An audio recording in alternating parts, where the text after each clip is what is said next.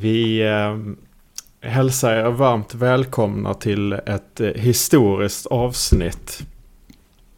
Det är, eh, året är 2021, eh, datumet är den 2 november och eh, David Faxå är för första gången inte med i Fossa del Jalci.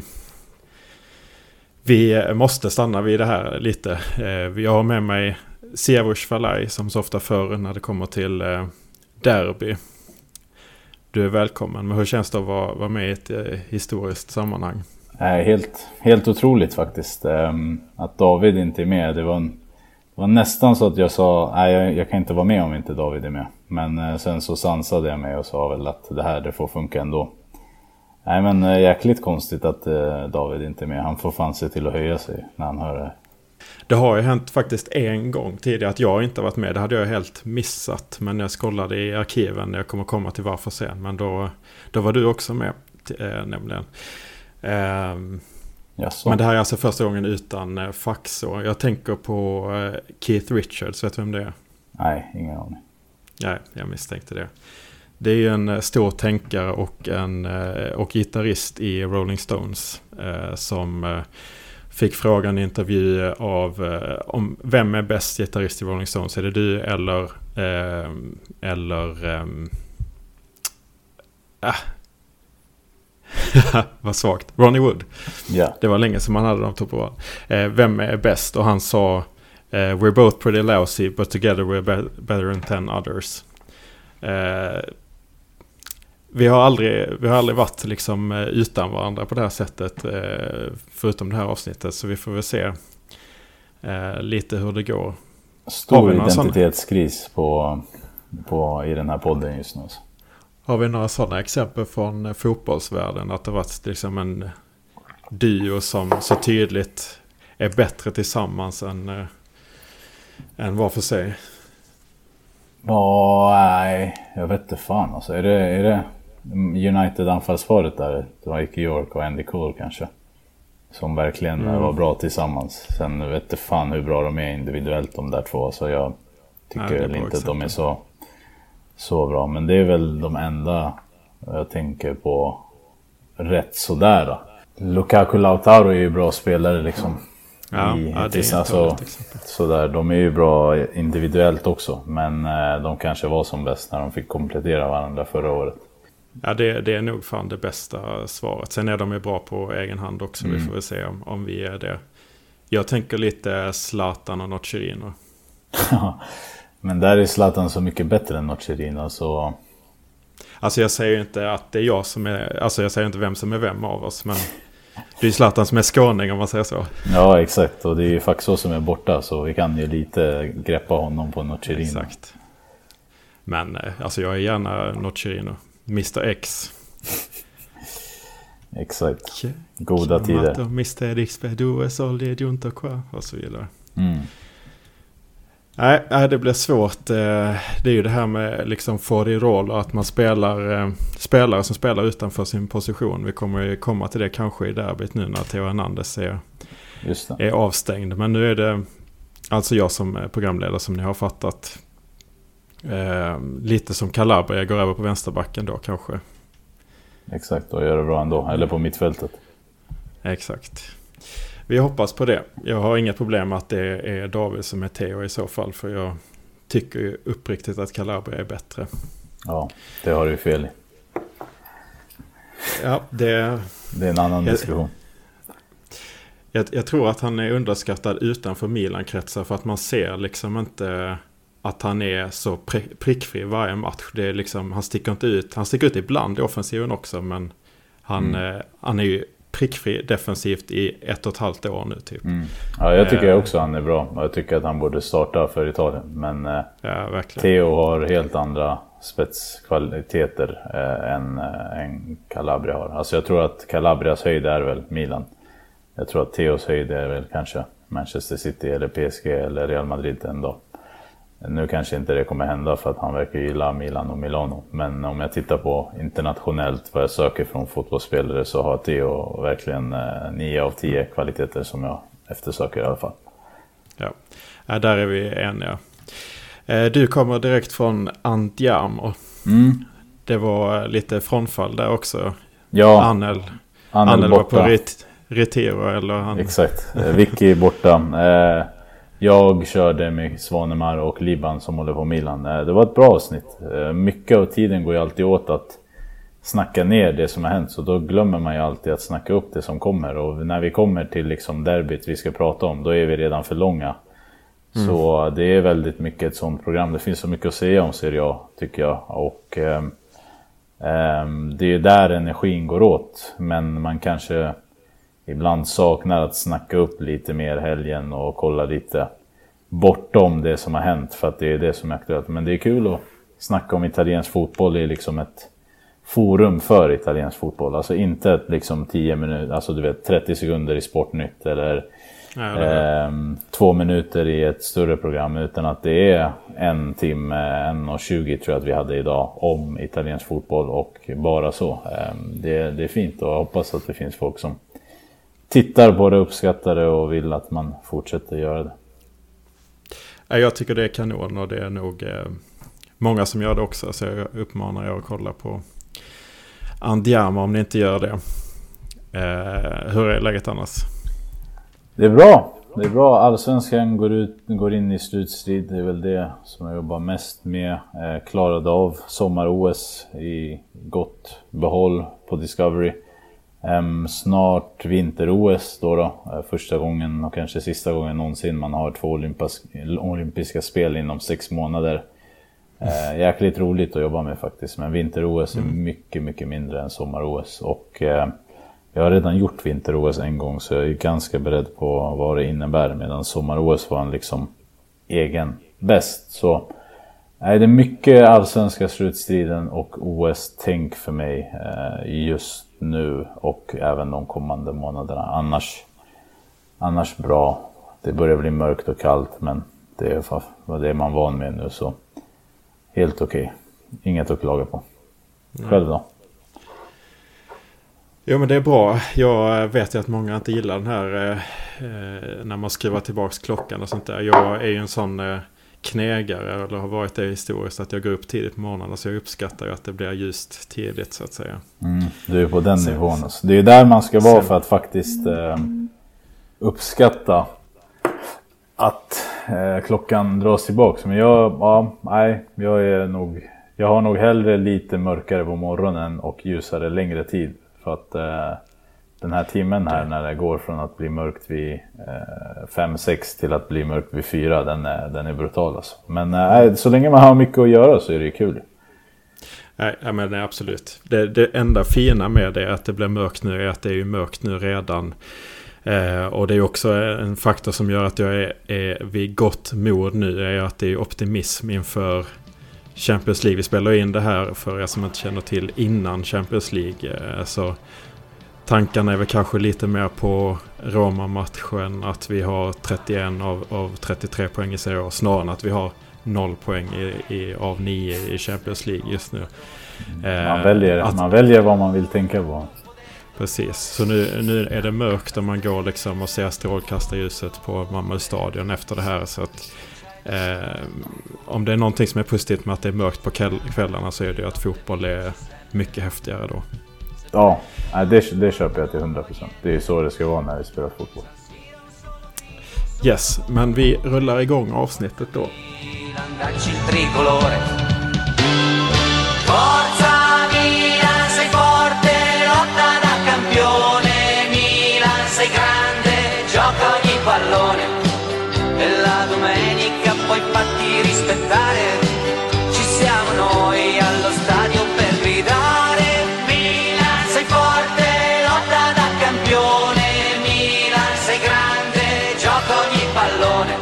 Just det, jag ska också eh, passa på att tacka för... Vi bad inte om Swish i förra avsnittet men ändå så trillade in ett sånt från Lars-Ola Brolinsson. Så det tackar vi så hjärtligt för om eh, eh, det är någon som eh, faktiskt vill bidra efter det här avsnittet så gör ni det. Eh, får ni gärna göra det och då är det på 0733911016.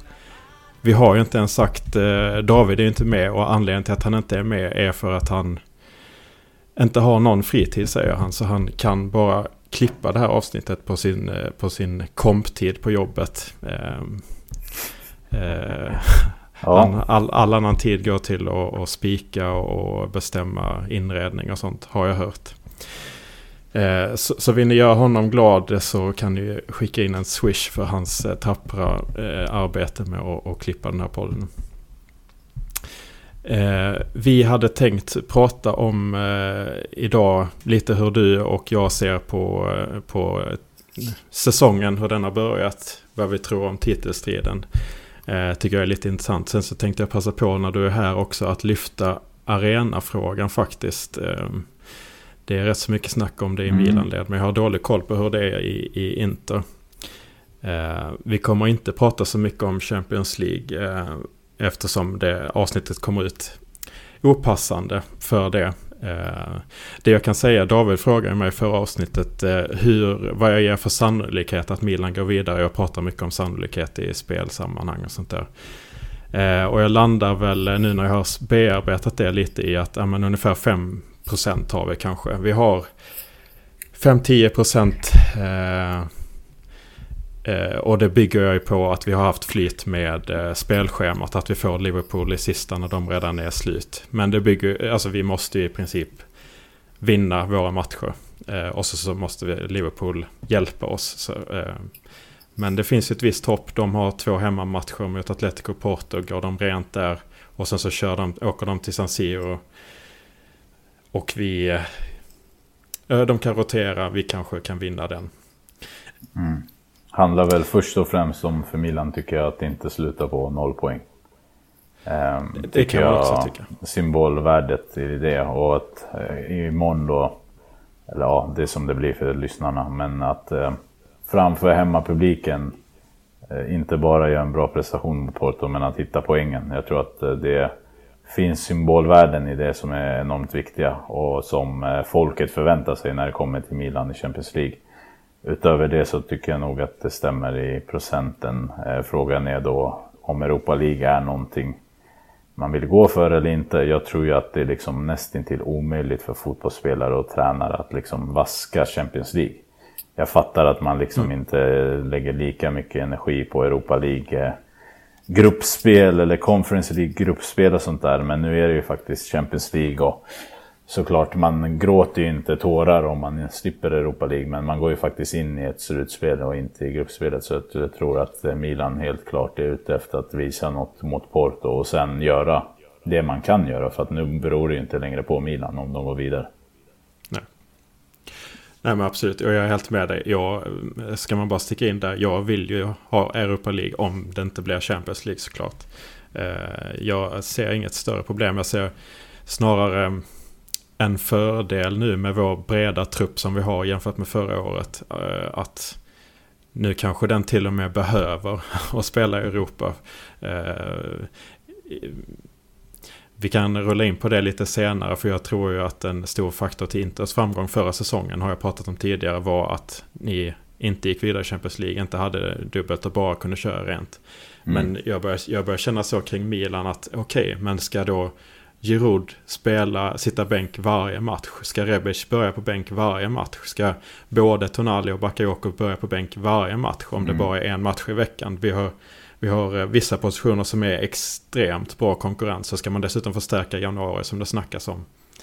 Ja, då, jag, Nej, då det... tror jag, jag tror nästan det är bra att köra lite Europa mm. League och, och rotera lite. Mm. Alltså jag, jag, tror att allt det där beror lite på hur det blir. Alltså så som Inter åkte ur Champions League så var det så enormt bittert att det liksom borde ha tagit koll på laget. Och det var ju där Conte gjorde en enorm skillnad i att liksom höll eh, båten flytande och sen tog det till en scudetto. Alltså jag tror att det där gör skillnad, säg från mars till maj ungefär. Innan det så tror jag att det bara är bra att spela fotboll och så mycket som möjligt. För att alltså, det var mycket så folk som sa att det var Inter spelade mycket färre matcher. Men tittar man liksom på hela säsongen så var det ju extremt få lag som spelade eh, alltså många fler matcher än Inter för att Inter åkte ur. Jag menar Milan spelade väl fyra eller tre med fler matcher med Europa League då. då. Juve spelade mer eller mindre lika många matcher. Eh, de andra lagen som konkurrerar i toppen, samma sak. Så i slutet av dagen så är det extremt få matcher. Jag tror bara att i vissa matcher mot vissa lag så du vill liksom inte möta Hellas Verona borta efter att du har haft en torsdagsmatch i Ukraina. Liksom. Den är liksom mentalt dränerande såklart. Så det är ju där den stora skillnaden görs. Men jag tycker att Inters förra säsong, att man var så pass överlägsna att det liksom det var mycket som klaffade rätt i rätt tid. Men eh, spelschemat skulle jag säga inte var avgörande på, på samma sätt eh, som, som många tror. Och jag tror att det var en större risk att det skulle gå käpprätt åt, åt helvete när man åkte ur Champions League på det där sättet. Det var, det var förödande. Alltså det var ju snack om att Conte skulle lämna. Mm. Alltså det var ju väldigt eh, tråkig stämning i, i mm. Den er sidan Milano. Eh, ja, det var ju... Innan det vände så att säga. Det, det glöms bort känns det som. Du, eh, eh, vi ska givetvis prata om derbyt också, kommer eh, efter det här. Eh, jag kan börja, jag, jag gick igenom när du har gästat vår podcast tidigare. Mm. Eh, du har gjort det, inte bara i samband med derby faktiskt, utan i andra också. Men om man tar de gånger som är kopplat till derby. Har du någon slags känsla för hur det har gått i de derbyna när du har gästat? Det borde vara 50-50 ungefär. Jag skulle tippa ja. på typ, eller nej vänta, det kanske kan till och med vara så att det är 30-30-30 i vinst, förlust och kryss. Um, mm. Men då har jag också det... behövt gästa efter landslagsuppehåll och sånt där, vilket är typ de få gångerna Milan lyckas vinna mot Inter. ja men det är jäkligt bra uppskattning för det är precis så det ligger till. Eller exakt däremellan. För det är 2-1-2 så att säga i statistiken. Mm. Den första gången du, du eh, gästade då var det faktiskt i, efter derbyt. Och då kan man ju fatta att då var det ju inte en interförlust. Det hade ju varit eh, kämpigt. Utan det var, ett, det var det krysset som har varit. Säsongen 2012-2013 var alltså första gången du gästade. Var det Joel Obi eller var det Skelotto? Det var Skelotto. El ja. Sharawi gör ju första och sen Skelotto. Mm. Eh, Handanovic, eh, ruskigt bra match. Kommer jag ihåg. Ja. Milan borde ha vunnit med 3-4-0 kanske. Ja, precis. Båda Riktigt en, eh, dålig fotbollsmatch av Inter och dåligt lag. 12-13, ja. Shit. Du var på plats då också, mm. om jag minns rätt. Ja. ja. Ja, det var ett tag sedan. Det har varit i många sådana usla eh, derbyn. Mm. Du, gästade också ett annat. Det var det där som jag inte var med 2013-2014 när Palazzo gör, eh, gör Klack, 1-0. Eh, klackmålet ja. Jag har ju alltid hatat den typen av mål. Jag tycker de är så fula.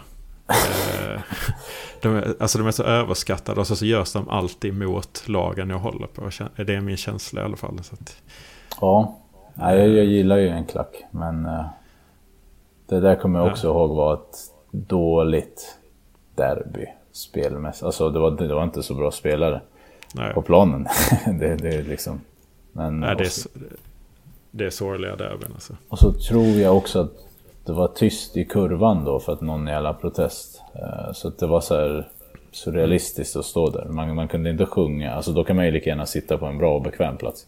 Det är jobbigt ja. att stå upp när man inte kan sjunga och liksom leva sig in i matchen. Eh, ja.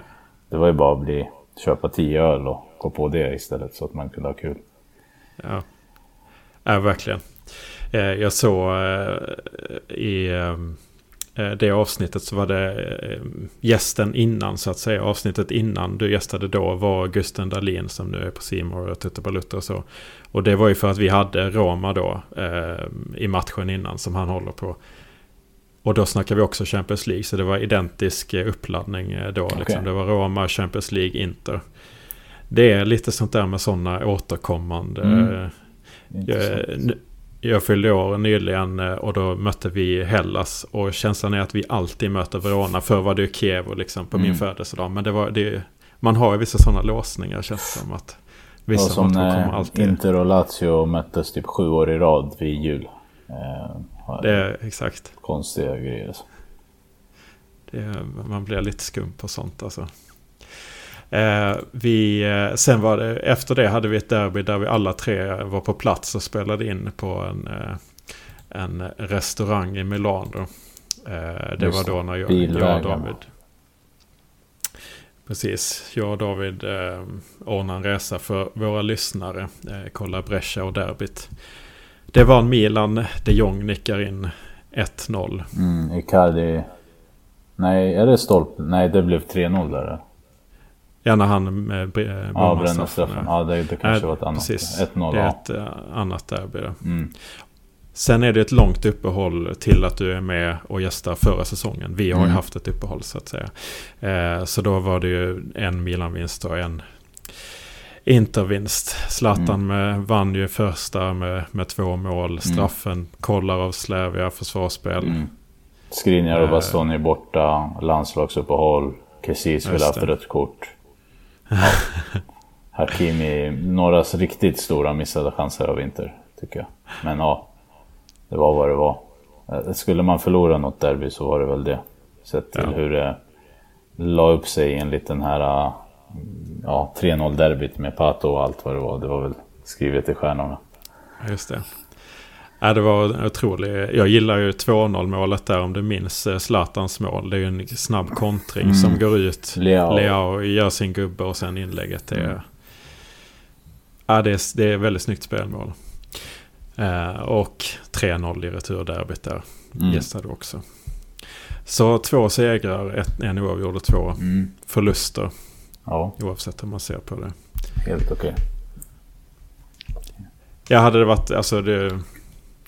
Hade det varit i, Anna, i Inters favör hade du inte fått gästa. Nej, liksom. det var det jag satt och tänkte på. Ska det bli kryss nu för att liksom jämna ut? Eller? Det här är ett jäkligt avgörande derby som kommer. Jag tar ju ett kryss på förhand. Gör mm. du det? Nej, egentligen inte. Det har ju mest med tabelläget Ja, exakt. Det är väl det som är grejen. Alltså, jag tar väl ett kryss om man eh, kvitterar sent och det är så det blir. Liksom. Eh, men mm. på förhand så vill jag nog se inte gå för en vinst och tror att de har det som krävs för att göra det. Det är intressant att se hur Milan kommer ta sig an den här matchen. För att jag tror att Milan lite... De har tabellpositionen så de kan vara lugna och ta det lite lugnt sådär. Men jag tror att de verkligen kommer vilja um, sätta Inter på plats eller vad man ska säga. Att visa att de är där de ska vara. Och det kan vara lite farligt det där. För att det, var, det är lite så det har varit i vissa derbyn när Inter har vunnit ganska bekvämt. Att Milan kommer i bra form och nu ska de visa och nu är de bättre och då är Inter bättre. Men nu är det inte riktigt samma Inter. Ehm, det finns inte liksom riktigt samma kontringsspelare eh, i laget som är väldigt duktiga på att rycka isär, typ Kjär och Romagnoli. Det finns inte riktigt samma spets i, i Hakimi och Lukaku och Conte inte heller med. Ehm, så nej, jag, jag, jag, tycker det är en ganska oviss match, men jag, jag ser Inter som ett äh, bättre lag än Milan och jag tycker att Inter ska gå för vinst. Men samtidigt så måste man säga att tabellen säger att Milan är tillsammans med Napoli bäst i Italien för stunden och det, det måste man respektera. Mm. Ja, men ska vi gå in på det då så kan David ge oss en bumper. Eh, tabellen ser ut som du gör och jag kan, kan väl börja då med att säga eh, eh, vad jag, hur jag ser på det. Jag lägger ju ofta stor vikt vid spelschemat. Att det är oftast Eh, en underskattad faktor när folk bedömer saker. Eh, och då kan man kolla på vilka vi har mött eh, än så länge. Eh, Milan, vi har mött Juve, Roma, Atalanta borta, Lazio hemma. Mm. Napoli har mött Juve hemma, Roma borta, Fiorentina borta av de större lagen. Så de har ju haft en enklare resa och jag vet också av att ha lyssnat på Andiamo att du är av samma åsikt som mig. Att det är en stor kvalitetsskillnad mellan eh, topplagen och bottenlagen i Serie A. Mm. Eh, pratar om sju systrar och sådär. Jag kanske vill slänga in till exempel Fiorentina där. Eh, ja. Också som ett tuffare lag. Eh, så då är det åtta. Sen, eh, alltså det är inte så att alla andra matcher är gratis poäng. Men, men och, och jag menar Juric i Turin och det är en tuff match nu.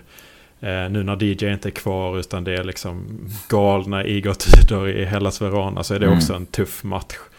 Eh, men eh, alltså det finns kvalitet i Sassuolo, Bologna och Romagna och sådär. Men alltså det, det, du fattar vad jag menar, ja. att det är stor skillnad. Så problemet blir väl mer de här uh, Salernitana till exempel, Venezia, Spezia. Mm till viss del Cagliari. Mm. Lag som inte att de är dåliga, för det får man ju vara om man liksom är nyuppflyttad och sånt där. Men jag tycker typ Udinese, Genoa, de här typen av lag som är glada över att vara ett bottenlag i Serie A, och klara sig kvar och få ett nytt kontrakt utan någon som helst ambition att bygga något som faktiskt kan bli riktigt bra. Alltså en ungdomssatsning, en, en satsning på en tränare som är duktig eller idéer som, som tar fotbollen framåt. Där är mitt liksom, stora problem med bottenskiktet av den italienska fotbollen. För att jag ser en stor potential för de klubbarna att liksom utveckla ungdomar, att hitta ett modernt spelsätt, att liksom skapa något positivt och inte bara vara nöjda med att inte åka ur varje år. Ehm, sådär. Och jag tycker att i Fiorentina har en ambitiös ägare, de har ett ambitiöst projekt, de har duktiga spelare, de har tagit in en bra tränare. Alltså jag tycker Sassuolo, även om de har liksom helt andra ekonomiska förutsättningar än många lag, har en stark liksom identitet och idé som de vill komma åt. Och jag tycker väl att Torino efter många år är på den vägen också med Juric. Ehm, så där, det är det som jag liksom menar. Jag tycker att i år är kanske första året på länge där vi kommer ha en topp som drar ifrån lite. För att Milan är redan liksom tvåsiffrigt och Napoli tvåsiffrigt framför alla lag förutom Inter. Och det här är 11 omgångar in. Alltså förra mm. året var det bara Inter som var så överlägsna i toppen. Sen var det ju kamp om fjärdeplatsen till sista omgången mellan tre, fyra lag. Så jag, jag, för egen hand så tycker jag att det är skönt att det är en liten eh, skillnad mellan topplagen i mellan topplagen. Men sen så skulle jag gärna se att botten, alltså mittenbotten, de har ju råd att göra något ambitiöst och kul. Mm. Och göra det bra. Och därför eh, hoppas jag se fler modiga idéer och unga spelare och duktiga tränare komma fram. För det finns ju helt klart i Italien. Verkligen. Alltså de, de tråkigaste är ju inte eh, är ju liksom Genoas alltså lagen som ändå har hyfsad piazza. Det är ju pinsamt tycker jag. Mm. Eh, men, men eh, när man har den här bilden som du säger så, och så ser man på att Napoli har mött, alltså åtta av de elva lag de har mött är på nedre halvan. Mm. Och Juventus har de också mött, de är på nionde plats. Okej, det är ju ändå en tuff match såklart. Ja, men, de mötte alltså Juventus de... eh, när, efter det här uh, mördar-landslagsuppehållet. När Juve hade mm. fem borta och det behövdes ändå liksom två fasta för att vinna den matchen. Alltså det var inte mm. imponerad av Napoli den matchen. Dock så måste man ju säga att den här typen av match är ju den typen av match som Napoli har tappat poäng i förra året till exempel. Spezia hemma, kommer jag ihåg, de tappar poäng i trots stort övertag. Alltså de torskar i Champions League på Hellas i sista omgången. Så att de gör det de gör nu, oavsett om det är mot sämre lag eller bättre lag. Det är lite som Milan tycker jag, att kanske inte förra året, då var man ju väldigt bra, men året innan så har ju både Milan och Napoli tappat mycket poäng mot smålag. Eh, det verkar man ha lagt ner nu. Mm. Alltså, och, och, det håller jag med om. Och, och Napoli har ju sett stabilast ut. Alltså de har ju släppt in bisarrt få mål. Men kollar man på att det är åtta bottenlag. Eh, så tycker jag att Milan har gjort det bättre utifrån vilka man har mött så så att säga. Mm. Alltså, de matcherna som Napoli har mot Juve säger du, det var ingen superprestation. Roma var ju inte heller det. Eh, och, och Fiorentina kunde också ha gått lite hur som helst. Så att det ska bli jätteintressant att se när de ställs mot tuffare motstånd. Just nu springer de men, eh, men eh, jag tycker att Milan har imponerat mer även om vi står på samma poäng och inte har imponerat spelmässigt eller varit lika överlägsna. Men vi har mött tuffare lag och vi har dubblat med Champions så att säga. Eh, kollar man på Inter så har ni mött eh, Juve Atalanta hemma. Ni har mött eh, Lazio och Fiorentina borta. Så det är ungefär som som Milan har mött liknande tuffhet eh, skulle jag bedöma som. Eh, vi har båda dubblat i Champions League. Eh, det som Milan har haft mot sig är det här otroliga skadehelvetet. Sen ligger vi ju ändå sju poäng före liksom. Alltså skadorna visst skulle kunna vara systemfel, man tränar på fel sätt eller sånt där. Vi har ju typ yngst lag i hela ligan. Jag hade det förra säsongen i alla fall. Så att det borde ju inte vara var det så att säga. Men, eh, men jag ser ju bara att, att Milan kan lyfta när alla kommer tillbaks. Eh, nu har vi eh, jag tyckte att vi är bättre i år än vi var förra året och det är på grund av bredden snarare än, än spetsen då. Trots Donnarumma lämnar och sånt där så var det viktigare för oss att rätta till bredden för det var det vi föll på förra året. Nu har vi använt bredden bara till att liksom hantera krisen och kunna liksom ställa upp med ett lag överhuvudtaget. Men när vi väl kan använda den bredden till att kasta in Bakayoko och Tonali i matcher liksom och vara tunga bara.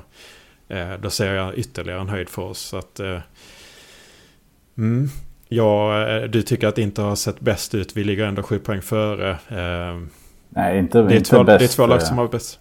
på det sättet. Men jag tycker att Inter är ett bättre lag i grunden. Sen så har Milan presterat bättre. Det, det säger tabellen och alla resultat. Ehm. Men jag tycker också att Milan är mindre påverkad av landslagsuppehåll för att de har färre sydamerikaner till exempel. Ehm, på, på, alltså som, som reser iväg och är nyckelspelare. Jag tror till exempel inte att Inter torskar mot Lazio på det sättet man torskar om den matchen inte spelas när den spelas. Exempelvis. Men det, det, är liksom, det där har vi vetat om väldigt länge. Det är bara att sydamerikanska kvalet i år är, är en total katastrof eh, hittills i alla fall. Ja, jag hade kokat om jag hade haft sydamerikaner. Så att vi får väl vår karma sen när, eh, när afrikanerna ska iväg i en månad. Mm. Eh, Det, är ju, det är ju hela vårt centrala mittfält som, som sticker ordinarie. Så att det... Ni kanske får ta igen det då så att säga. Men det är, eh, det är ju intressant för att, och det är därför det här derbyt också blir jäkligt intressant. För att Inter, Napoli och Milan har inte mött varandra än. Och, och eh, ja, vi har inte, man har inte känt på varandra. Så det ska bli jäkligt spännande Mm. att se var man står. Inter har ju både Milan och Napoli nu efter varann. Ehm, vilket är intressant. Eh, Napoli kommer ju efter landslagsuppehållet. Men nu är det... Nu kör ju inte Sydamerika tre matcher längre utan då är det två. Då blir det lite mer normalt tror jag. Så eh, det, ska, äh, det ska bli intressant att se. Jag tycker först och främst att det ska bli intressant att se Inter för att eh, det är, alltså Inter borde ha vunnit mot Juventus. Vi vet alla varför de inte gjorde det.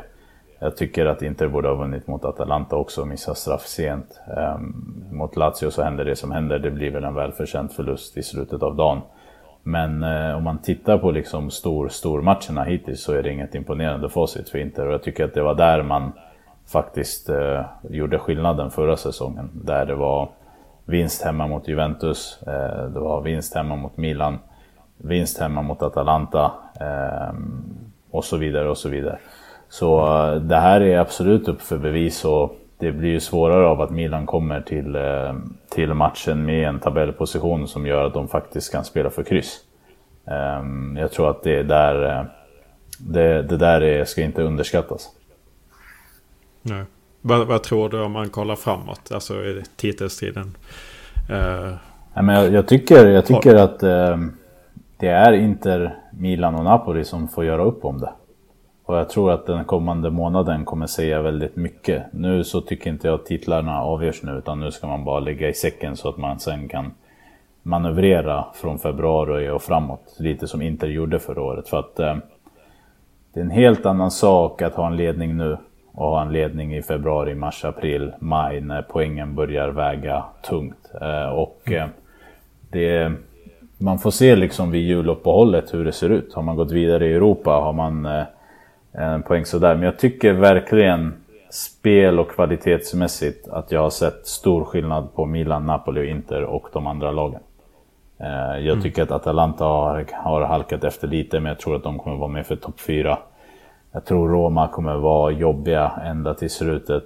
Jag tror att Juve har något mer än det här i sig, även om jag tycker att de är dåliga. Så nej, jag, jag, jag tror absolut att det inte är en slump att Milan och Napoli leder och jag tror absolut att Inter eh, borde vara med, eller de ska vara med.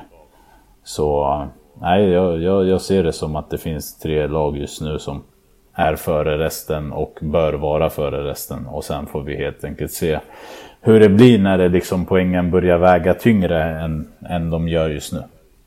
Mm. För där har ju Ja, Inter verkligen. just nu en, en erfarenhet. Alltså, hela den truppen som har varit med och vunnit kan hantera det där tror jag på ett annat sätt än man gjorde förra året. Man har också, alltså Barella har fått vinna ett EM, Lautaro Martinez har fått vinna ett eh, Copa America. Det har kommit in en helt annan typ av spelare i laget och där tror jag att eh, det, det kommer göra skillnad mot slutet. Milan har Zlatan till exempel.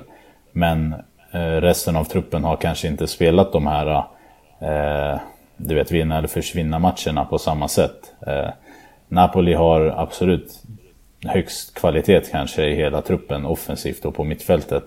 Men Spalletti har inte vunnit och där har ju inte, alltså, Pioli eller Inzaghi heller vunnit. Så det finns mycket som liksom inte är viktigt nu som kommer vara viktigt i slutet av året. Och där tror jag att Milan med Zlatan och Inter med sina vinnande spelare från förra säsongen har en, har en edge kanske. Sen, så det, det, det, ska bli väldigt intressant att se hur det spelar ut sig. Mm. Ja, det är jävligt spännande. Det är ju ändå trots allt 30% av säsongen har spelats nu redan. Och alltså, visst, poängen väger inte lika tungt.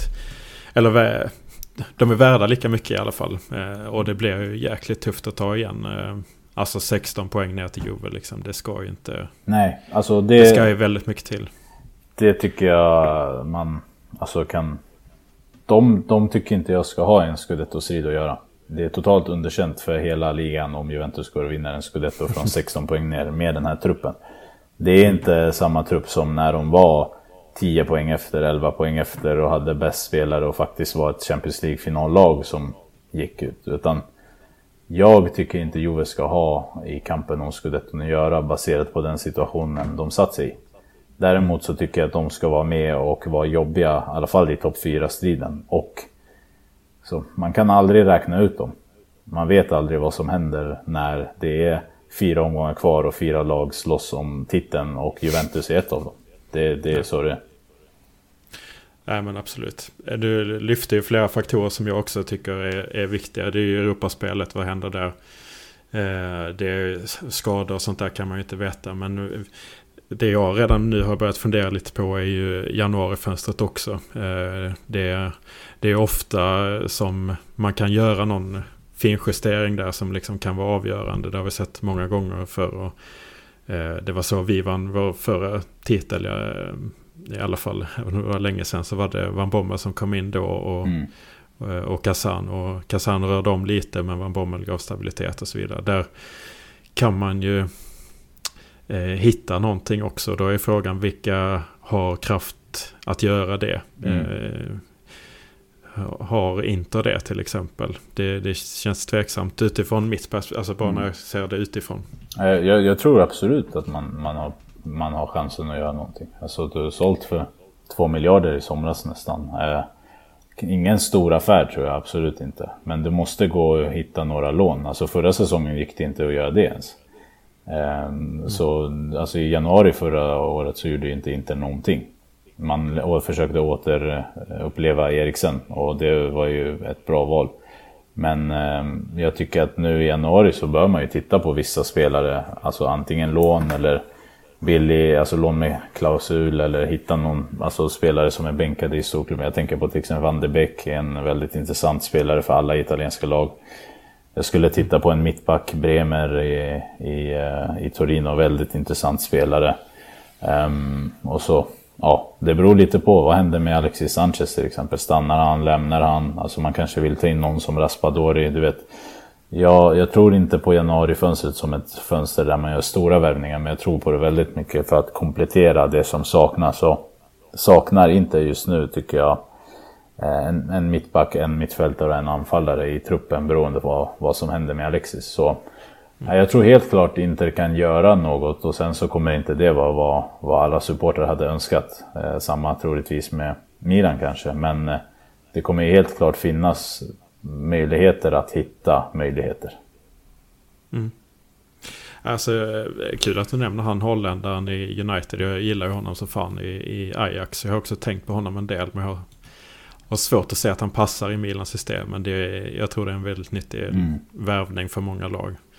Eh, I Milans eh, fall så har det pratats om Belotti till exempel. Eh, att han skulle komma redan i januari. Och där har vi lite det här med Europa. Om vi inte går vidare till Europa så har jag svårt att se vad är poängen med att ha... Mm. Alltså, Colombi, vi... Belotti, eller inte Colombi, vad heter han? Pellegrini? Eh, Pel Pellegrini. Ja, mm. precis. Zlatan Giro. Speciellt eftersom att ingen av dem egentligen kan spela tillsammans. Alltså det hade varit annorlunda om Belotti hade varit en, två, alltså typ en Raspadori-typ som är liten och teknisk. Då kanske du vill sätta mm. honom med Zlatan. Men eh, väldigt svårt att se att man gör så. Sen så kanske du tänker att om vi inte signar Belotti nu då kanske han drar någon annanstans. Mm. Och då får du mm. väl ta det som händer då. Men ja, Ja. Men jag, känner, jag, jag håller med dig om det och jag har absolut inget emot Belotti så. Jag, alltså, jag gillar honom men eh, det blir också en liten budget. Alltså man mm. drömmer om Vlahovic eller mm. något sånt där. Jag har ju ett, en annan budgetalternativ som jag eh, börjar eh, fnula på nu. Det är ju Borja Majoral. Som eh, inte ens nöter bänk utan eh, nöter läktare i, i eh, Roma nu gjorde ändå så här 17 kassar. Jag tycker att Milan har, eh, förra säsongen då, jag, tycker att Milan har sett bättre ut utan Zlatan och Jerun när man har haft det här rörliga spelet med mm. Rebic. Eh, jag är mer sugen på att ha en rörlig anfallare också. Så han hade kunnat spela, kanske ryckt in på en kant eller spelat i en tia-roll eller tillsammans med någon av de andra eh, när Diaz inte kan spela eller sånt där.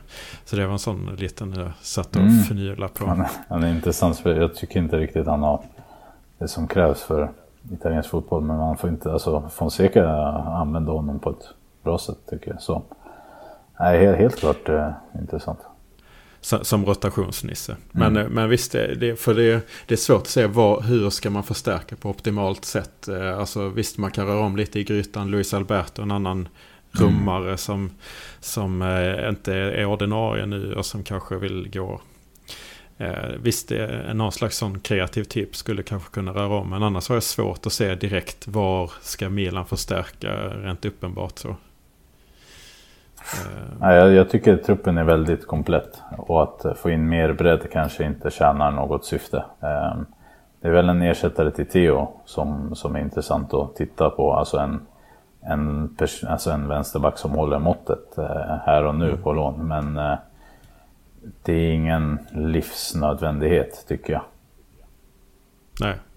Ja, det är klart kan man få in spets eh, också på typ så här Sellemäkers position. Mm. Då kan man ju göra någonting.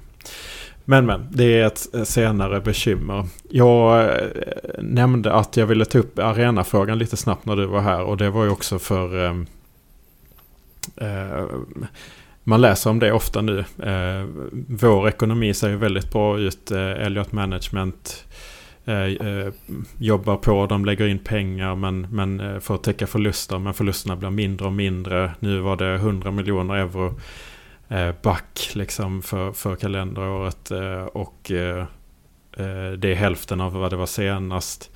Det känns som att deras intresse i klubben ökar. Projektet liksom tuffar på bra. Man skapar stjärnor som man vill. Man drar ner lönekostnader. Sportsligt går det åt rätt håll. De jobbar väldigt intensivt med eh, borgmästaren i Milano. Eh, eh, Sala. Mm. På, på eh, att bygga en ny arena. Eh, jag har ju varit väldigt skeptisk till det här för man är ju väldigt bunden till eh, San Siro. Men nu såg man till och med Galliani uttala sig om att eh, San Siro det går, det håller inte, det går inte att, att, eh, renovera för vad ska då både Inter och Milan spela under säsongen. Och mm.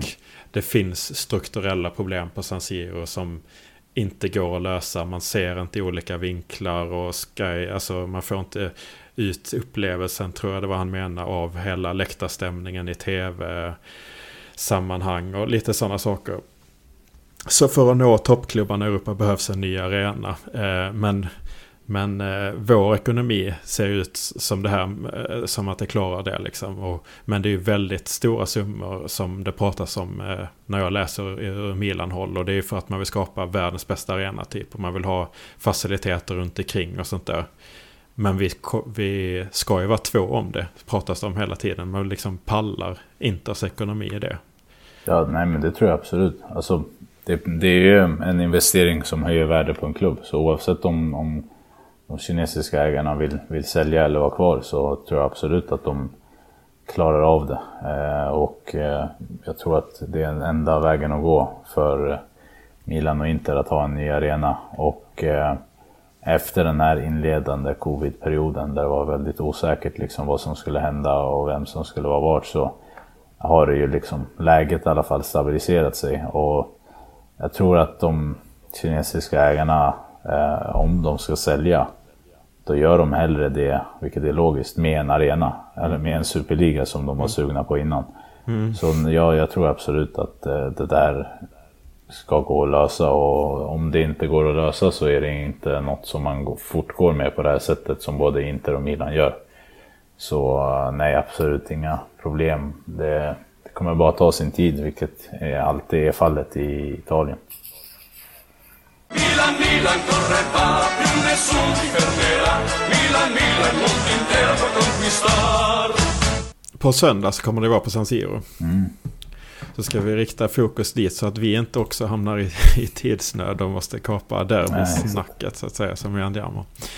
Eh, Milan, eh, eh, spelschemat som vi går in i det här för. Du pratar ju mycket om spelschema också mm. i Andiamo.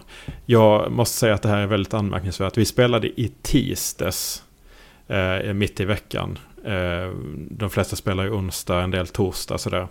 Men de har ju splittat så man spelar tisdag. Ändå spelar vi mot Roma på söndag kväll. Mm. Innan vi ska spela i Champions League. Det, mm. alltså jag, har inte, jag har inte sett det innan. Eh, Nej, det var, det var länge sedan det, det var så.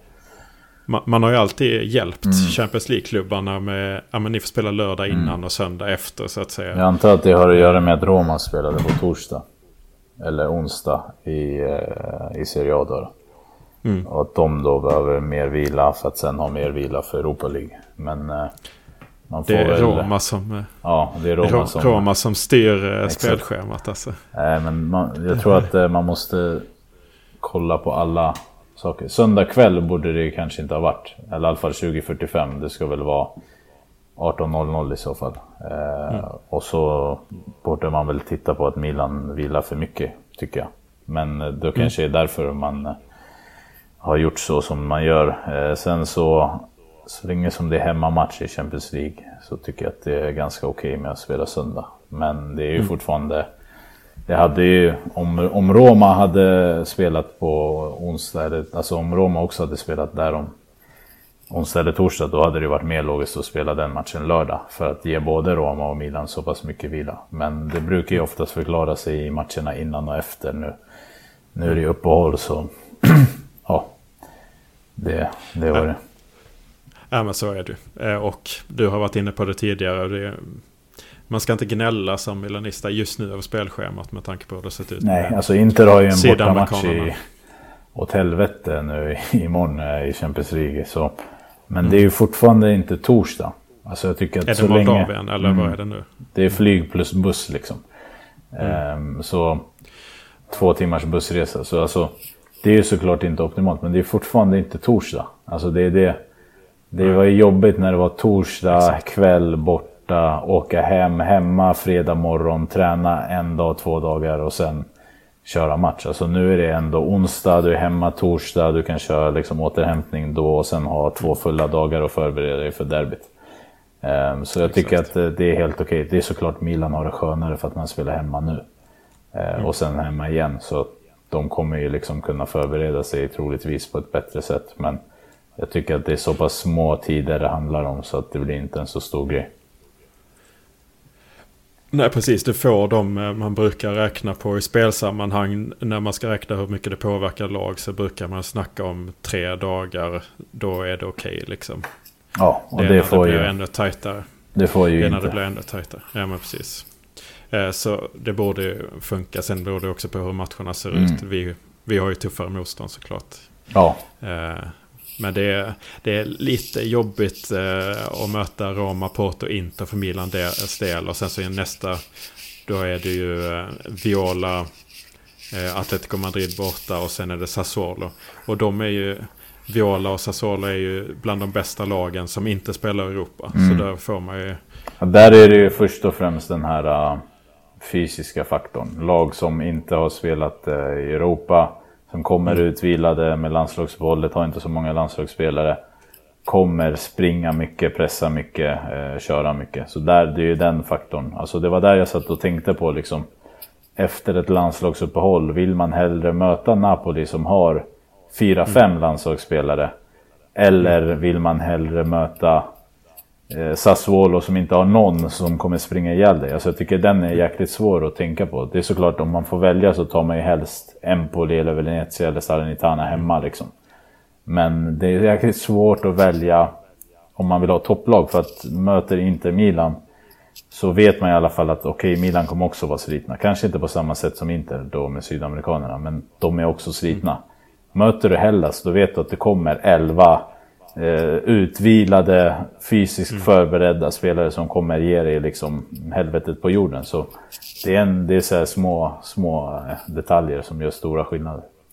Mm, ja, men verkligen. Också i spelsammanhang har man historiskt pratat om Fifa-viruset. Att ja, men så här, Barcelona när de var stora och sånt där. De här lagen. Framförallt med sydamerikaner som har tidsskillnaden också. Att de tappar fler poäng eh, mm. efter landslagsuppehåll. Så att det är ju så. Eh, det optimala är väl att möta ett topplag då som har en ny tränare som inte hinner liksom sätta sitt spel. Kanske, eller ja. jag vet inte. Ja, men alltså, men det... det är gynnsamt att möta Inter lördag 18 som Lazio gjorde. När det är som det Men typ För redan Milan söndag 12 hade ju varit en annan skillnad. Alltså, så länge de är i Europa så är det ganska okej. Okay. Alltså, typ, ja, såklart att Dzeko är liksom sliten för att han är 35. Men typ och Zlatan kanske samma sak efter uppehållet. Men alltså typ Theo, att han spelar lite landslagsfotboll. Det så mm. länge han inte blir skadad så är det inga stora problem tycker jag. Nej, Nej absolut. Eh, var, eh, vad är dina ingångsvärden annars till, eh, till derbyt? Alltså när, när det blir Upp. sånt här derby då är det ju alltid det att ja, jag tror Milan kommer vara favorit för att de har hemmaplan inom citationstecken och bättre tabellposition och ett bättre utgångsläge. Um, knapp favorit då, då, eftersom att jag håller väl Inter som ett bättre lag i grunden. Uh, men Inter måste ju bevisa det medan Milan inte kanske behöver göra det. Um, mm. Jag tror att Milan har alla förutsättningar för att vinna den här matchen, men jag tror också Inter har alla förutsättningar för att vinna den här matchen. Det är första gången på länge som jag faktiskt ser att um, det, det, det är väldigt ovisst och jag tror att det finns väldigt mycket offensiv kvalitet i båda lagen. Ehm, att det finns mycket bra spelare på planen som det var, alltså redan förra året så tyckte jag väl att båda derbyna var, eller alla tre derbyn så var inte bättre laget på planen men nu så tycker jag att det är en mycket jämnare utgångspunkt. Och att eh, typ sista derbyt förra året när jag inte vann med 3-0 då kände jag verkligen att det speglade matchbilden och att det kunde ha varit mer. Um, sådär. Så jag tycker att det här är en extremt jämn match mellan två väldigt bra lag. Det ska bli kul att se. Jag tror också att det kommer vara en match mellan två lag som kommer våga bjuda på mycket ytor och faktiskt spela en fotboll där man tar stora risker. Ehm, jag tycker både Pioli är bra på det och Inzaghi också. Inter har kämpat lite med balansen, eh, börjar hitta den nu. Eh, så ja, om det inte blir några stora liksom, frånvarobekymmer efter Champions League i veckan så ser jag fram emot faktiskt en riktigt välspelad match, vilket jag tror det kommer bli. Ja, alltså jag, jag köper kanske inte riktigt att eh, ni var bättre i alla matcher. Jag tyckte Milan var jättebra första mötet när man vinner där med Zlatans eh, två mål. Men visst, eh, i de senare mötena så var det ju inget snack. Eh, jag eh, satt och kollade oddsen nu när du pratade och sa att Inter var... Alltså att Milan var lätt favorit. Det är så att Inter är rätt så klar favorit faktiskt eh, enligt oddsen. 2,20 mot 3,0 eller? Eh, 2,40, 3,10 ungefär. Mm. Ja, alltså jag, jag, tycker det är lite över på Inter, alltså lite för mycket på Inter. Men de har ju såklart bättre koll än mig. Alltså jag tror att med tabelläget som det är, om man tar hänsyn till det och med hur mycket faktiskt Milan mår bra av att det blir kryss. Så tror jag inte man ska underskatta det, hur det påverkar matchen.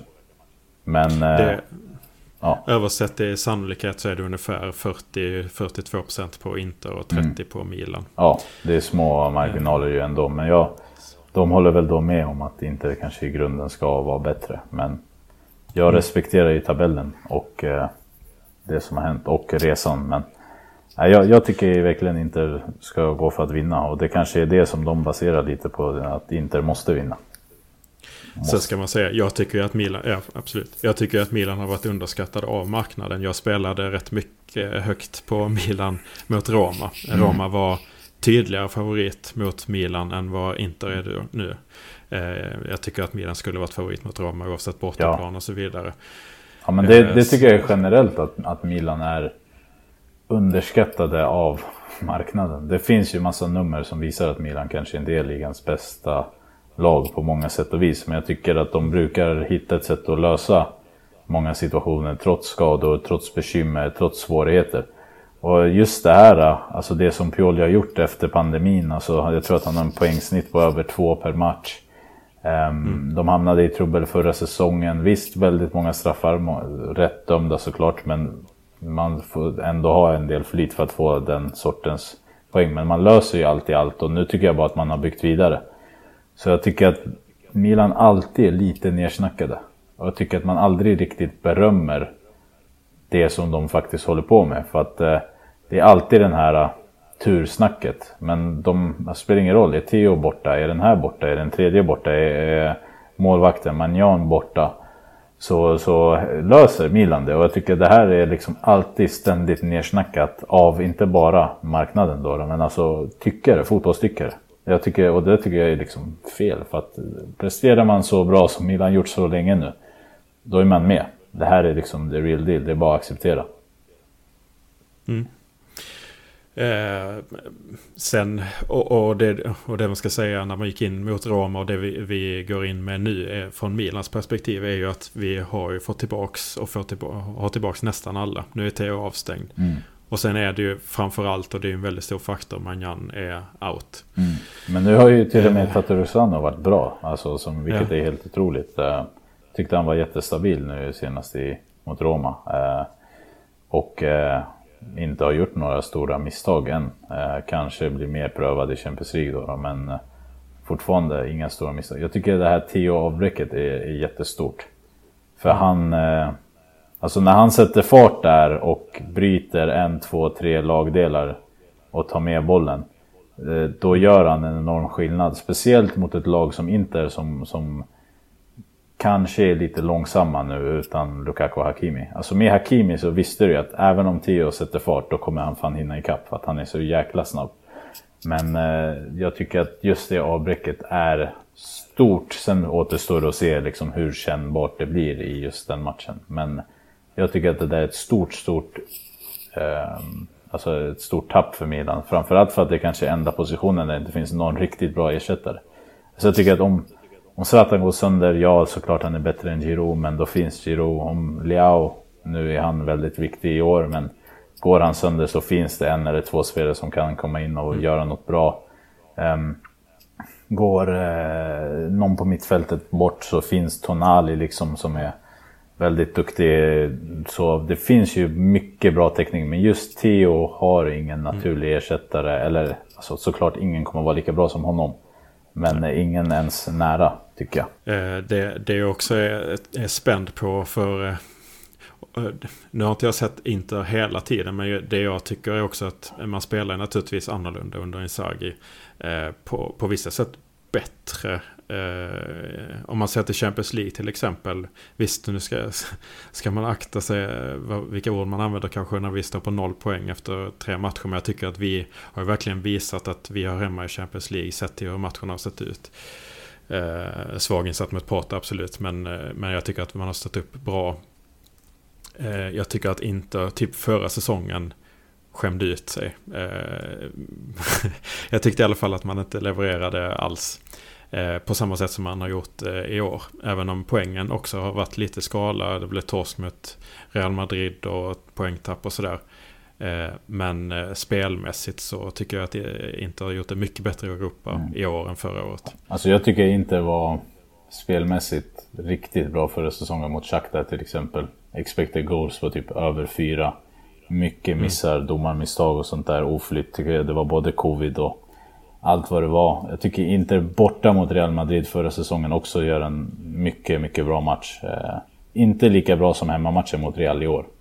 Men man gör en match som man ska absolut ta poäng i och kanske till och med vinna, tappar sent. De, det är liksom... Sen så är det de, de två sämre matcherna, alltså de, att man inte lyckas lösa det, det är där svagheten ligger. Eh, nu hoppas jag att man lyckas lösa det i år, alltså jag tycker att mot Real hemma, då ska man ha med sig en poäng om inte tre. För att man dominerar från början till slut, skapar mycket chanser, gör mycket bra men får inte utdelning. Shakhtar borta var tuff. Det var en väldigt tuff match. Där tycker jag att det faktiskt kändes som att det hade kunnat bli förlust. Också vinst. Men den var jag inte superimponerad av. Köpte liksom resultatet. Men Sheriff hemma, inget snack egentligen. Det var en klar vinst. Det är nu bortamatchen som blir väldigt avgörande. För att den bestämmer ju liksom om inte kan spela på resultat hemma mot Shakhtar eller inte. Och där är ju liksom kruxet med den här turneringen. Att vinner du nu och Real gör det Real ska göra. Då, då har du en position där Real leder och Inter är tvåa. Men eh, det kan ju bli knepigare än så om Inter kryssar till exempel mot Sheriff och måste vinna mot Shakhtar med De Serbi som säkert är jätteglad om han kan smälla Inter på näsan. Så äh, det, det, det är absolut en, en jobbig situation som eh, baseras på små marginaler. För bara med en poäng mer mot Real, då är man nöjd med poängen imorgon. Eh, mm. mot, eh, mot Sheriff. Men det är klart att det ska vara en vinst. Men de har slått Real. alltså, så, så, är det. Så man får, man får respektera den typen av lag och göra det man kan göra för att ta de tre poängen och ta sig vidare. Det är viktigt för Inter att gå vidare i Champions League pengamässigt. Det är liksom en stor eh, en stor del av säsongens godkännande eller icke godkännande baseras på just det där. Kollar man lite på alltså hur Inter spelar nu, hur Inzaghi spelar. Eh, Milan har inte haft sådär överdrivet lätt, eh, eller snarare kanske till och med lite svårt eh, under Pioli mot Lats, hans Lazio mm. så att säga. Och nu har man ju ett bättre material i, i Inter så att säga. Så att jag är lite fundersam kring hur man kommer att greja det här. Milans styrka är väldigt mycket det här nu med Leao är ju eh, otrolig. Jag kommer runt på kanten, det är mycket inlägg. Eh, visst är Zlatan enorm där. Mm. Eh, och vi såg i, eh, i något derby så har han ju stått mot Skriniar. Ja. Eh, och liksom, jag tror det var Godin då och, och De Frey liksom. Mm. Att han, han vinner ju över dem ändå. Liksom. Det, är ju, det är ju helt makalöst i sig. Mm. Men, men det är ändå lite frågetecken någonstans att mm, hur passar det Milan att, att slå, spela massa inspel och sånt där mot den här kompakta trebackslinjen. Samtidigt som jag är lite, lite orolig över våra två centrala mittfältare som är enorma oavsett om det är Kessie Benazer eller Tonali som, som spelar så är de eh, jag tycker de är så jäkla bra. Men de är trots allt två ensamma och eh, det kan ju bli tufft mot ett, eh, ett Inter som är numerärt fler och, och som är rätt så skickliga. Alltså jag, jag tycker det, det som talar mot Inter är att eh, kontringsspelet saknas. Eh, alltså snabbheten i kontringarna finns inte där. Eh, det är Perisic som, som är tillräckligt snabb för att ställa till med problem även i en mot en situationer. Men utöver det så är det eh, liksom betydligt mycket mindre för Milans backlinje att tänka på. Alltså Kjär har haft enorma problem med Lukaku, samma med Romagnoli. Eh, ja, så där tror jag att det är en stor skillnad för att Milan kan liksom de riskerar mindre i omställningarna än de gjorde förut. Inter kunde verkligen döda, vara dödliga på väldigt små chanser förra säsongen. Och det här gör ju att jag tror att Milan kommer, kommer vara bättre i den här matchen än man har varit. Alltså bollinnehav spelmässigt eh, eh, än man var förra säsongen. Nu tror jag att Inter har mycket mer kvalitet på mittfältet. Mittfältarna kommer mycket mer in i boxen och där så tror jag att Milan kommer ha problem med att fånga upp de här Barella, Chalanoglu eventuellt och Vidal kanske, Brozovic. Det är där Inter är väldigt starka i år tillsammans med Dzeko och Lautaro på topp. Lautaro brukar vara bra i derbyn också. Så att, ja, det, är, det är en väldigt intressant match. Alltså, Kessie och Benazer, det, är, det är två riktigt bra spelare också på mittfältet. Så att, det är mycket som liksom kommer avgöras tror jag på fasta situationer och individuell briljans. Och där tror jag att eh, Zlatan först och främst i Milan, eh, Benazer till viss del eh, och Leao är väldigt viktiga för, för eh, er då, då. För Inter så tror jag att det är mycket baserat på eh, Perisic, på, på liksom Lautaro Martinez, på Chalanoglu till viss del, men eh, först och främst kanske Barella. Eh, att han kommer in i de här skott och avslutspositionerna där han faktiskt är väldigt bra den här säsongen. Mm. Okej, okay, så det är där du ser största hotet? Eller vem hade du liksom, är det, om du hade plockat någon från Milan, vem hade du plockat då? Till Inter? Eh, jag hade nog plockat Tomori. Mm. Eh, snabb, stark, eh, duktig. Eh, I en trebackslinje tror jag att han skulle vara ännu bättre. Mm. Men just eh, snabba mittbackar är något som jag är väldigt förtjust i. Eh, sådär. Och Inter har ju Skriniar redan som är snabb som fan. Men eh, en till snabb mittback ger ju det ett, ett... Du kan spela fotboll på ett helt annat sätt. Han kommer ju tillbaka i alla situationer i princip. Sen så tycker jag han har blivit mycket förbättrad. Alltså han är väldigt duktig på liksom... Ja men bara så här när, när han ska in i en situation och vinna den och få med sig inspark istället för att det blir hörna. Alltså sådana där grejer som man älskar att se. Men jag hade nog tagit honom. Och sen så tror jag att... Eh, jag, jag, jag gillar Kessie alltså. Mm. Men eh, och, normalt sett, alltså förra säsongen har jag alltid svarat Donnarumma. Och det är klart att jag hade tagit eh, Manjan eh, om det hade gått. Men det där vet alla redan om mig så det, man behöver inte upprepa sig. Skulle jag tagit någon från Inter? Jag hade ju tagit Marotta. Ja, Men det, det är också lite, går i linje med mina käpphästar och sånt där som kanske motsvarar Handanovic. Kritik mot val av ledning, även om jag gillar Maldini väldigt mycket och så. mm. Men eh, alltså signa Martinez och Barella nu på fem år i den situationen inte är med förutsättningarna vad man gjorde i sommar. eh, Alltså dels att få ut alltså så mycket pengar för Lukaku när typ ingen kunde köpa honom förutom Chelsea. Eh, ja. Hakimi också mycket cash och så sa man liksom... tycker det var för lite för Hakimi alltså. Ja det kan man ju visst Det är min starka åsikt. Men Lukaku håller jag med om är en, är en efter allt en bra affär. Men frågan är vilka kunde köpa. Ja, Eh, och framförallt så visste alla att Inter måste sälja. Och det, ju, det ska ju inte gå att få ut så mycket cash då. Alltså tycker jag. Mm. Jag tycker det är jätteimponerande. Och liksom efter förutsättningarna. Visst, Dzeko kommer ju inte vara lika bra som Lukaku är om två Nej. år. Men här och nu så är det ju en väldigt bra lösning. Ja, jag, att, eh, jag tycker om, om Dzeko så tycker jag han är liksom en fullvärdig ersättare. Problemet är att Lukaku är liksom tre spelare igen. Han är en, Mm. han är en avslutare, han är en kontringsspelare och han är en uppspelspunkt. Så Mm. Dzeko är ju som bäst en eh, uppspelspunkt och en avslutare. En bra dag. Mm. Ehm, Men eh, han är inte en kontringsspelare. Alltså han är inte någon som du slår en lång boll på som tar, springer ifrån sin motståndare. Alltså som, som Lukaku gör och har gjort mot Milan många gånger liksom. Ehm, Och sen är, sen är han ju framtid också i, ännu mer än Dzeko. ja, Alltså, och jämför- sen... eh, Jämf jämför med vad Milan kommer vara om två år och inte just nu så är det ju många spelare som pekar upp i Milan kanske. Mm. Ja, jag- Fler spelare. Jag tycker liksom eh, framförallt att, eh, att det skulle vara intressant att se vad Inzaghi skulle få ut av Lukaku. För att om han får Ciro Immobile att göra 38 mål, som har noll kvaliteter egentligen fotbollsmässigt då, förutom att just göra mål, så hade det varit jäkligt intressant att se vad han skulle få ut av Lukaku. Eh, jag tror verkligen att det där hade varit succé. Och jag, nu har det varit lite tungt för Lukaku i senaste fem matcherna. Typ. Han har inte gjort mål, nu är han skadad och sånt där. Men jag tror verkligen att eh, om det skulle fortsätta så, att han eh, eventuellt ångrar sig lite i alla fall. Yes, jag eh, ska ju snart sticka och kolla på Champions League. Men vi måste ju lyfta Chalanoglu, Mm. känner jag. Eh, jag vet inte hur du ser på det här, men eh, kring Judas eh, situation och sånt där, klubbar emellan och sånt där. Donnarumma har fått mycket skit. Jag tycker kanske att det är lite så här, ah, jag bryr mig inte så mycket. Han har ändå inte ens lämnat för en rival och sådär. Jag vill verkligen inte försvara honom, men det, det visar ju någonstans, tycker jag, att vi har ganska få svikare, eh, trots allt. Om, när, för när jag blickar tillbaka historiskt så, ja det är ju typ Leonardo. Mm.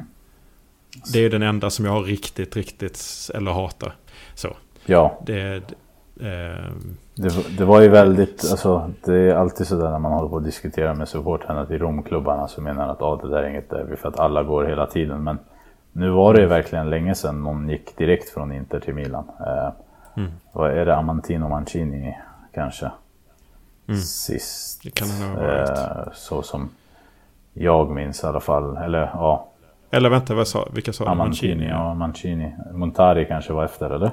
Men var det Ja, direkt? Pat, Pazzini Mm. Pazzini, vad måste varit efter Mancini? Just det, men då gick ju Casano. Casano, ja. Casano ja precis. Ja, det är väl den. Sen har det inte varit då, det, det är väl som det. Alltså jag...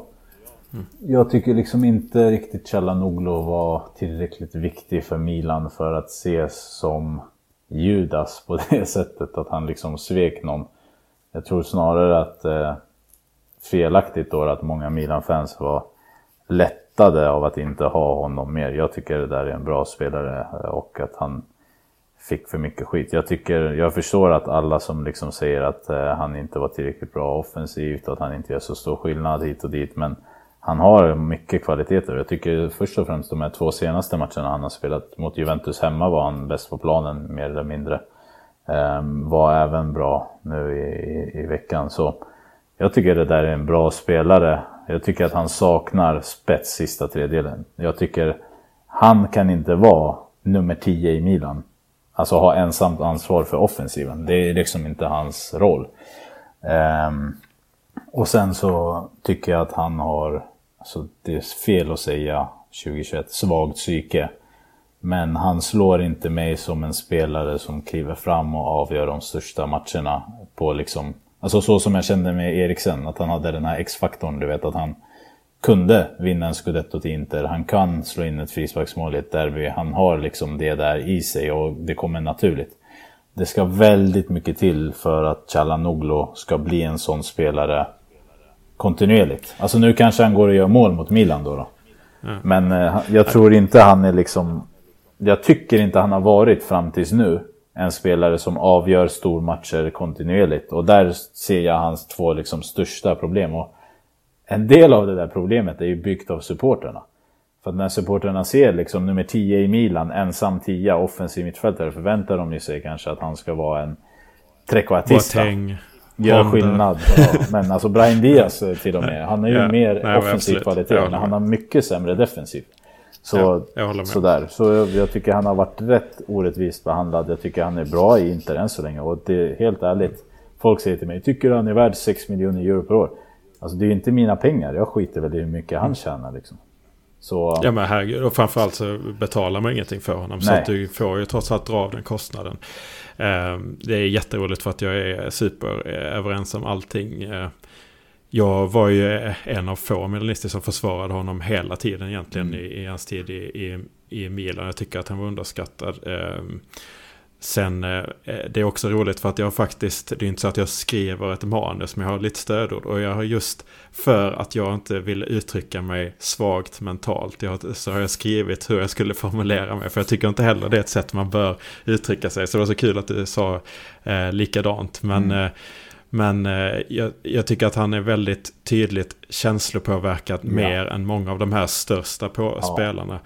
Och eh, av liksom andra faktorer, hur det går i privatlivet mm. och sånt. Har man sett sådana kopplingar, typ när det alltså problem socialt och sådär. Eh, jag tror att det, det är det och kontinuitet som jag lyft fram som hans största problem. Hade han haft sin högsta nivå eh, mer kontinuerligt då hade han kanske till och med varit för bra för eh, våra klubbar. Ja, tycker jag. Alltså, absolut. Och sen så... På, alltså, han, är inte, han är inte svag mentalt. Men den här att han påverkas av yttre omständigheter mer än de allra bästa tycker jag. Alltså det sägs ju att han liksom... Eh, alltså han var ju typ ledsen för att folk hatade på honom på sociala medier och sånt där. Mm. Och det har man ju all rätt att vara. Men alltså jag har liksom svårt att se att typ Zlatan bryr sig om eh, vad som händer på, på Twitter eller vad liksom okända Milan-konton skriver om honom. Alltså så här. Så ja, jag, jag tror liksom absolut att det finns någonting där och eh, jag är helt okej okay med det. Men eh, jag vill liksom gärna se att eh, han, eh, han gör bra ifrån sig i den här typen av matcher. Jag tycker att det jag fick se mot Juventus var väldigt liksom betryggande. Jag kan, ja, okej. Okay. Ja. Jo, men det, det håller jag också med Jag kan eh, nästan tvärtom också gilla den typen av spelare. Ja. Alltså det finns många sådana, pastorer och så vidare, som har igen tekniskt sett en högre höjd, men som har eh, andra faktorer som hindrar dem. Liksom. Så det, det har jag inget problem med i sig. Men det som gör det intressant också för den här eh, matchen Eh, och för, för att ta upp fler exempel, förutom de du nämner, så är det ju typ när han hade problem med, med sin fru och sånt där. Det mm. påverkar mm. dem jättemycket på planen. I alla fall så var det i samma period. Så att jag har dragit ett, ett orsakssamband mellan de händelserna så att säga. Men det som gör det väldigt intressant i den här matchen är liksom pallar han trycket? Mm. För han kommer inte, han kommer inte få kärlek från, från Kovasud precis. Nej, alltså, Så att, eh, det, jag tycker den ska bli eh, häftig. Jag tycker att sånt där, um, är, du, alltså, är du fotbollsspelare på toppnivå och har gjort det valet som han har gjort så är det lite bära eller brista i en sån här match. Och sen så, jag förväntar mig kanske inte ett mål eller en assist, men jag förväntar mig en bra insats. Och är den liksom jättedålig insats, då kommer det störa mig. För att då kommer jag tycka att han påverkas alldeles för mycket av sånt som han borde faktiskt kunna vara förberedd på. Mm. Ehm, på. Ja, precis. Ja, fan vad kul. Eh, snabb fråga. Eh, det här med så här gemensam elva och sånt där tycker jag är tråkigt att prata om. Men nu måste jag bolla upp. Eh, vem har du helst i kassen? Tatarusano eller Handanovic? ja, jag får väl ta Handanovic då. Eh, med spelet med fötterna tycker jag är skillnaden. Jag tycker inte att det är så stor skillnad mellan de två eh, annars just nu faktiskt. Men eh, det är ju baserat på det jag sett i senaste matchen. Jag tycker med andra målvakter så kan man liksom inte alltid gå säker. Eh, det kan komma Nej, en tavla nu mot Inter, det kan komma mot Porto, du vet liksom inte riktigt. Men Ja, jag tar Handanovic för mest på grund av spelet med fötterna och sen så kommer det bita mig som vanligt. Mm. Ja, det, är, det är ju eh, otacksamt på så vis att vara andra målvakt. För i alla fall jag har ju liksom stenfokus på eh, hur de presterar, hur de gör i alla situationer. Ja. Det har man ju inte normalt sett med en målvakt. Eller jag har inte det. Du har kanske det med Handanovic i och sig. men, men annars är det kanske vissa grejer som går obemärkt förbi. Men här har man liksom så... Ah, Borde han gått ut på hörnan där ja. och sådana grejer. Liksom. Det är man är verkligen mer i, analys av små är... saker som kanske inte borde analyseras. Fint. Vad tycker du om att eh, eh, Conte inte tyckte att förutsättningarna var rätt att vinna i Inter men han går till Tottenham?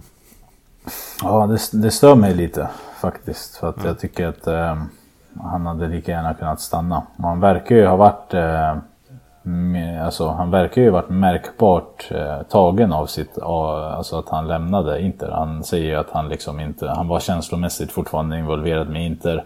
Någon gång på Sky så säger han att det var ett liksom ofrivilligt avbrott, alltså att det liksom, han gärna hade fortsatt träna. Och så går han väl till Tottenham nu. Alltså, jag förstår någonstans det valet, för att många tycker ju att han skulle gått till United. Men eh, Conte är en smart kille. Han vet ju att han kommer till ett eh, Tottenham, ingen press på att vinna. Eh, finns säkert en bra värvningsbudget. Finns spelare som är tillräckligt små för att köpa hans, alltså du vet, hela hans metod. Det är ju det du måste göra med Conte. Du går in på en lång, gnisslig, jobbig väg av sömnlösa nätter och eh, hårt jobb för att eliminera liksom mediokritet. Och jag tror verkligen att sånt funkar bättre i klubbar som Inter, Chelsea, Tottenham än i Manchester United till exempel. Um, så jag tror, tycker han gör rätt val. Vinner han så kommer han ju ha vunnit för första gången någonsin i Tottenhams historia. Vinner han inte så kommer ju ingen förvänta sig att han ska vinna. Han har ett spelarmaterial som jag tycker passar hans spelidé väldigt bra. Men eh, fan vad jag hade velat ha kvar honom alltså. Ja. Jag gillade jag tänker, det. Bara för, att bara för du sa det så, så tänker jag på Chiellini som uh, Is the history of the Tottenham? Ja, exakt. The history of the Tottenham är ju inte att vinna. Men om Conte är den som ändrar det, då har han liksom tagit Juventus från sjunde plats till att vinna. Ja. Uh, han har byggt deras dynasti. Han har tagit Con uh, Chelsea, vunnit. Han tog det där fullkomligt urusla Italien till kvartsfinal och borde ha gått till semi. Tog Inter och vann, bröt Juves dominans. Liksom. Det är väl i Europa han fortfarande har att bevisa, men jag tror att Inter med Conte i år hade varit ett, liksom, alltså ett europeiskt eh, elitprojekt. Alltså. Jag hade varit säker på att det här hade varit efter de där stora gubbarna med Bayern och City och, och PSG och Real så hade jag absolut hållit Inter som en outsider i Champions League med Conte i år. För att det är den den gruppen som var så jäkla bra och, och stark förra säsongen. Men eh, det blev tyvärr inte så. Jag tror att det var ohållbart för honom att fortsätta så som det blev med ägarna och situationen och sådär. Så ja, jag är nöjd med att Inzaghi är Inter och jag tror att Allegri hade varit bra, bättre i Inter än i Juventus. Men eh, ja, jag, jag, jag trodde aldrig att jag skulle bli så fullkomligt eh, förälskad i Conte som jag faktiskt blev. Eh, jag, jag älskade verkligen honom helhjärtat. Nej, ehm, och också på det med Marotta. Ingen annan hade kunnat gå in efter Conte på samma sätt eh, som, som Inzaghi tror jag. Det är bara han som passade spelmaterialet och så vidare. Så att man löste honom när han redan hade skrivit på förlängning med Lazio. Det var, ja. det var också ett vägskäl.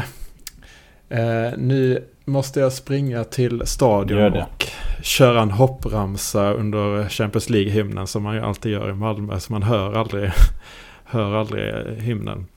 Eh, men det har varit ett eh, stort nöje eh, att ha dig här. Och jag har överlevt i alla fall snart 90 minuter på fel position. Mm. Bra. så, det, så det får väl vara ett... Ja, vi får, vi får väl lämna över betyget till lyssnare. Mm, på en Gazetta-skala. Ja, exakt. exakt.